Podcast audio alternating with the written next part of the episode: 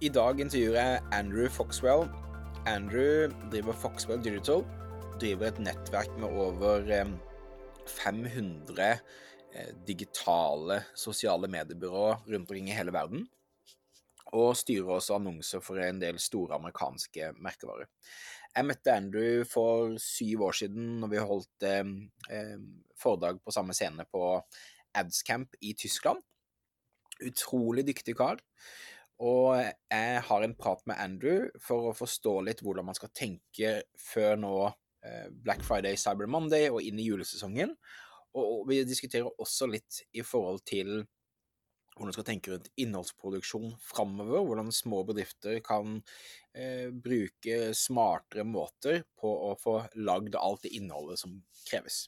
Så her er det masse nuggets, så kos deg masse med min prat med Andrew Foxbell. Cool. So, Andrew, we're we're now entering crazy times in terms of advertising, in terms of uh, a market that maybe is a little bit overcrowded usually, but now for November, December, it, it's it's crazy. Mm-hmm. With the agencies you talk to and the clients you work with, how would you kind of describe the the vibe or the expectations for the the, the time coming up? Yeah, I mean the expectations are are super high, right? I mean, I think people put all their eggs in this basket, and I think that um, there's a lot of planning uh, that goes into this time period, both from a you know inventory you know perspective, and uh, but also like ad creative and website changes and things like that. And uh, yeah, so I mean, I think people are excited. Uh, certainly when things are really good, they're really good on Meta, and when things are really bad, they're also really bad. You know, and I think um, October of uh, of this year of 2023 has been. It's always hard. October is always slow because consumers know there are deals coming. Um, people forget that, and uh, you know, I think you have to kind of set your expectations properly in this period of, of the year um, yep. So yeah, I mean, I think the the big theme for for us this year be, is I think we we learned early on uh, when we did Black Friday, Cyber Monday, kind of end of November, Christmas type deals. Uh, there was a, a, feeling that things had to be really complicated. They had to be, you know, uh, new ads, and we had to launch a whole new website face and all this stuff. And what we've learned the last couple of years is actually what's working, just keep it running and um, maybe change the, your website to have a site-wide discount but to keep it simpler right than than we think which has been good and and a lot easier. And certainly you can launch different creatives to your mid-level you know kind of people that are on your email list but have never bought or things like that. Um, but I think it, it, it, it, can be less complicated than you think. Um, and I think a lot of times we overcomplicate it this time of year. Yeah, I think I think that's a, a a very good point, and I think people can get too caught into making things too complicated. Um, so what about the offers, discounts, all that stuff? Um, here in Norway, especially, there's kind of this fear of of everyone wanting wanting to get as much sales as possible. So the discounts are quite large and uh, getting, I think, personally out of hand. Um, do you need big discounts to succeed in this period? Do you think, or you just need smart ways of putting things together, or what, what what's your thinking around that? I mean, I think discounting is an entirely other the thing that we we as marketers and we as business owners, you only know discounting through the lens of the way you've seen it and the way that you've thought about it. So it's not, you know, we have to remember that discounting strategy actually is there are entire courses on this written by people that are in PhD programs for, you know, MBAs, right? Like that's important to remember as when it comes to discounting because it it it can be really complex. Okay, so the things that I think about with discounting are what is your can your brand take discounting and um, so just baseline like is it a good idea mm-hmm. and yes. if it's not a good idea, then how have you built the brand image over time where instead of discounting, you're offering bundles or products together that you never would have? Yeah. Um, to incentivize the customer to make a purchase. Okay. So you could do, you know, you don't have to necessarily have a discount. I think when you when you are if you're going to discount and you've proven that you can do discounting at a certain level, the thing you have to ask yourself is how often have I discounted already? And and how impactful is that discount going to be? So if I've been discounting all year, is it really going to mean anything when I discount, you know, if I've been discounting 10% all the time for new customers, is it going to mean anything when I go to 15? So I think you have to really like if you're going to discount, think about what are what level of discounting do you think you're going to be able to do? That's like the deepest that you can do because it has to be a meaningful discount as well. Mm-hmm. You know, mm-hmm. I think consumers are um, they're they're moved by big discount numbers, and so you have to be confident that you're going to move a lot of volume if you are going to discount heavily. Um, so, in my opinion, like discounting has to be in the neighborhood. Of, if if you've never discounted all year, you can be in the 20 to 30 percent off range or something, right? But if you if you have been discounting, you need to be thinking more aggressively about how you're discounting while also bundling and raising AOV. That's my opinion. Like I don't think that free shipping is is nice, but I don't think is you know something that's going to unless it's a free shipping threshold that you're raising you know, I think these pieces hopefully aren't just being thought about now. And if they are being thought about now, I would be very cautious about discounting. I would be very cautious about how much you're going. And instead, I would be thinking about what are the things that we have in our product selection that, that we know consumers buy together or would make sense to do together to buy something that's giftable. That's the other um, piece that I think is neglected and overlooked by a lot of people. Yeah, makes perfect sense. Um, last question around Black Friday, Cyber Monday kind of tactics. Um, is now the time to test new channels and, and broader things? Usually, most of the Norwegian e commerce are running Google ads, Meta ads, um, and they might consider testing TikTok or Snapchat or something like that. Is is Black Friday, Cyber Monday period a, a good place to start testing to like dip your toes in the water, or or should you uh, wait to to more calmer periods to to do things like that? In your opinion, I don't think it's a good idea to test. I think this is the type of you know uh, time of year when you really you really want to focus on strategies you know are going to be lucrative and successful for you, and not try to overcomplicate it.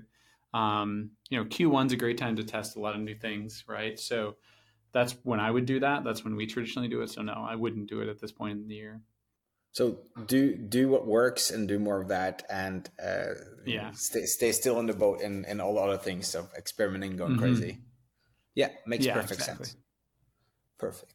Okay, so so so now I want to shift gear a little bit because I've been fascinated as a lot of other marketers about you know the all the AI progress we're making, generative AI stuff, watching closely how both Meta and Google are talking about, you know, creating creatives for you, looking at how Advantage Plus shopping campaigns or Performance Max is is just doing a better and better job um, of you know staying stable and and profitable. Um, if you would to look a year or two into the future. If we don't think about creatives at the moment but more of like how much control do you think we as marketers have in terms of optimization placements bidding strategies all that stuff? If you just had, had to guess of course it's it's impossible to know but your, your gut feeling yeah, I mean, clearly control is being removed for us um, in terms of actual lever pulling, right? In terms of the technical things that we were doing with ad buying, that's being removed. Um, so, from my standpoint, you're going to have less and less control. Um, even with the creatives that you're building, I think that they're going to be taking dynamic elements of it and putting the text and putting the video uh, where they want and sizing it in the way that they want. So, you know, I think you have to become comfortable if you're going to be on these platforms, knowing that it's not going to look the way that you necessarily want it to. Right now, you know, if you're putting it into an Advantage Plus shopping campaign, for example, um, which is a you know type of campaign container on on Meta, um, there's already being changed. Um, I mean, creatives being changed, images are being changed. That's just like happening. Um, there's not, really not much you can do about that. So you know, I mean, you can opt out of it for now, but I don't think you're going to be able to opt out of it forever. Uh, so you have to know that. I think you have to get a good sense of, you know, what are the what are the ways that you are thinking about consumer psychology in your business? That's really the big one. What are the ways that you are thinking about um, how pitches are being made, about how you're hooking people in, um, and where are people in, in, the journey? Do you have do you have cons- creative that speaks to different stages of where the customer is in their journey. So, problem aware, problem unaware, solution aware, product aware. These are the types of things you want to consider because that's how you're going to scale and spend in, spend. I mean, there's certainly technical things that you can do in terms of ad buying um, to still, but it's more about the creative and how it leans into that and and becoming comfortable with that these pieces are going to be mixed and matched and look a little bit different. But if you're continuing to give the system new ways to hook in consumers that are based on where they're at in their in their cycle of knowing you you're going to be more it's going to be more lucrative i think. So kind of letting go a little bit of the control o- over the visuals. I have a lot of i have some clients who are like very very brand sensitive and just wants total control over everything that's visual and they're they're now being really challenged because you know all the advantage plus shopping campaigns etc are really performing really good but they're losing control. And you know what's fascinating most clients you know when they're seeing their own ads it's usually the worst ones because they have a different pattern in terms of how they use the website. They never convert all that stuff right? So it's just throwing things at them. So i'm i'm i'm i'm um, getting a lot of pushback uh, and also like curiosity because it's working really well, but it might not look like they want it to do. So it's it's mm-hmm. fascinating. Okay, but if we keep on losing control over which levers to to to pull, uh, we're, we're into then the next few years more of just being in control over the creative or not even that because you know generative failed I, I think Meta definitely gonna generate different backgrounds instead of the white backgrounds of products and all that kind of stuff. But mm-hmm.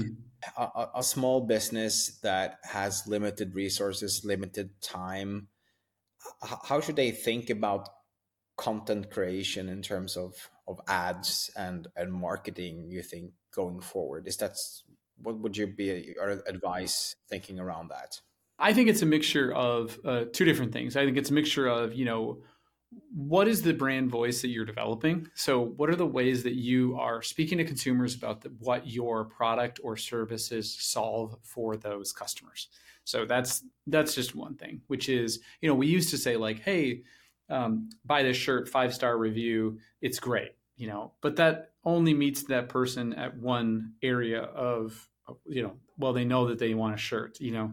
It's like what if you what if an ad said something like did you know shirts that are made of 100% cotton you know aren't don't breathe they breathe 70% less than a merino wool shirt or whatever it is you know? So you're you're bringing up the the the the did you know? Huh that's interesting. I didn't even know i needed a shirt but i like that a merino wool shirt helps me breathe better. So I think it's a matter of what's the brand voice and how are you developing image, you know, creative and video and, and, and images that are that look more like something a friend would send you, and also how are you in, integrating more professional looking shots um, so that you have a little bit of a mix, and then how are you also doing uh, what we talked about before with the kind of where they are in the consumer awareness stages um, and how you're addressing those. So, you know, yeah, that's you know if you've never if they don't know that they need it then they're they're problem unaware if they know that there's a problem they're aware of that problem it, would be you know are your shirt do your shirts scratch you like that's you know do are they itchy that would be a, a problem aware way to address that right? Then it's solution aware. Did you know that Andrew that Foxwell brand shirts have X number, you know, a, a, thousand more thread count than any other shirt. You know, so you're you're uh, saying all these different pieces, and you're hitting people depending on where they are on the journey. So I think if you're doing those two things, and you have an in, influx of creative that looks um, that looks more genuine, that looks less professional, that's good. Along with having some stuff that is professional, so that when people are you know you're trying to get them to buy again you're trying to get them to to know it's a professional piece um, that you have those that you can integrate. So and that could be with services too right? It could be um, you know the ways to think about that in terms of a service-based business is like you have uh, one that is um, videos of me as andrew answering questions about your washer and dryer okay?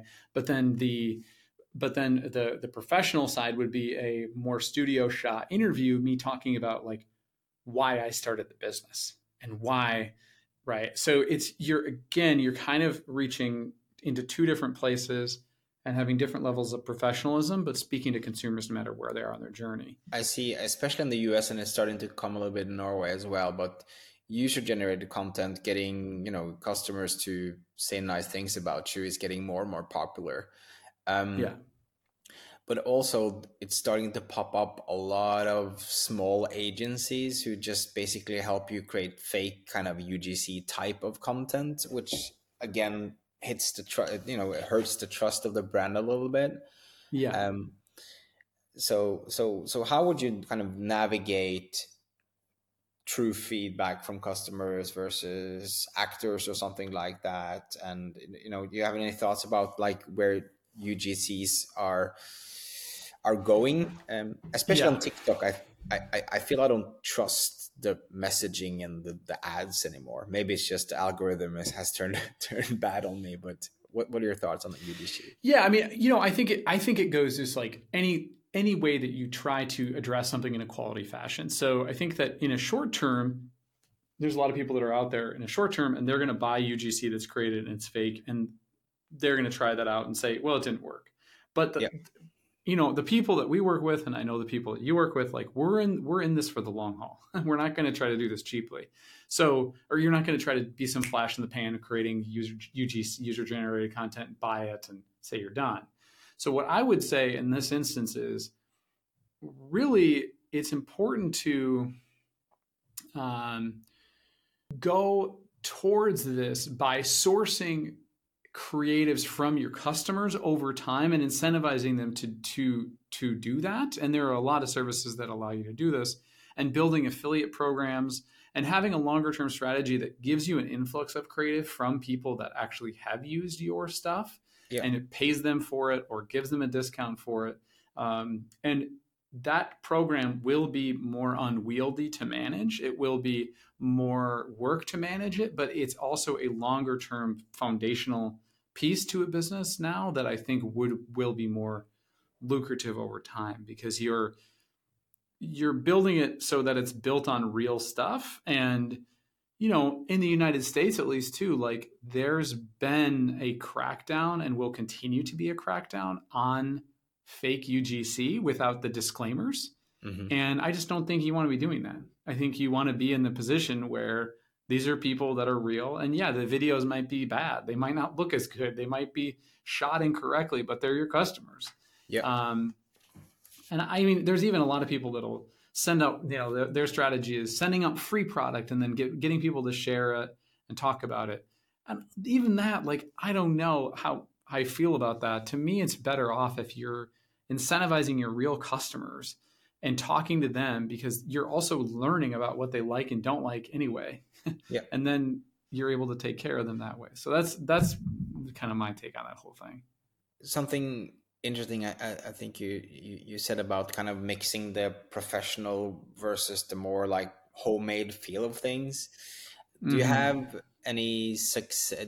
Have you had any success with um, you know mixing user generated content in the same type of creative as your professional shots. I've seen Esdras Firestone doing this, for example. It, it, kind of it's it's almost like a professional commercial cuts into UGC. Have you have you had an experience mixing it like in the same creative? We, we yeah we have, and we you know you can cut them in where it's a review, and then it goes to basically you know it's a review from a customer, and then it goes into like talking about the product, like a more uh, uh, a commercial. So yeah, absolutely. I mean, I think that's all on the table, right? I think it just depends on you know if you're thinking about what do i need to do how do i how do it's like you have to be able to source from both sides and then if you yeah trying a combo absolutely great idea absolutely so yeah we we have tried a few like combos like that and they do they do pretty pretty well it depends on the brand of course um, but but yeah i mean the ones that we've tried have done pretty well yeah it looks like what you're saying is that you know brands or small businesses are going to spend probably more time producing content now than before and they'll actually have more time to do it as well because it's fewer level levers to to pull so it's it's more mm-hmm. just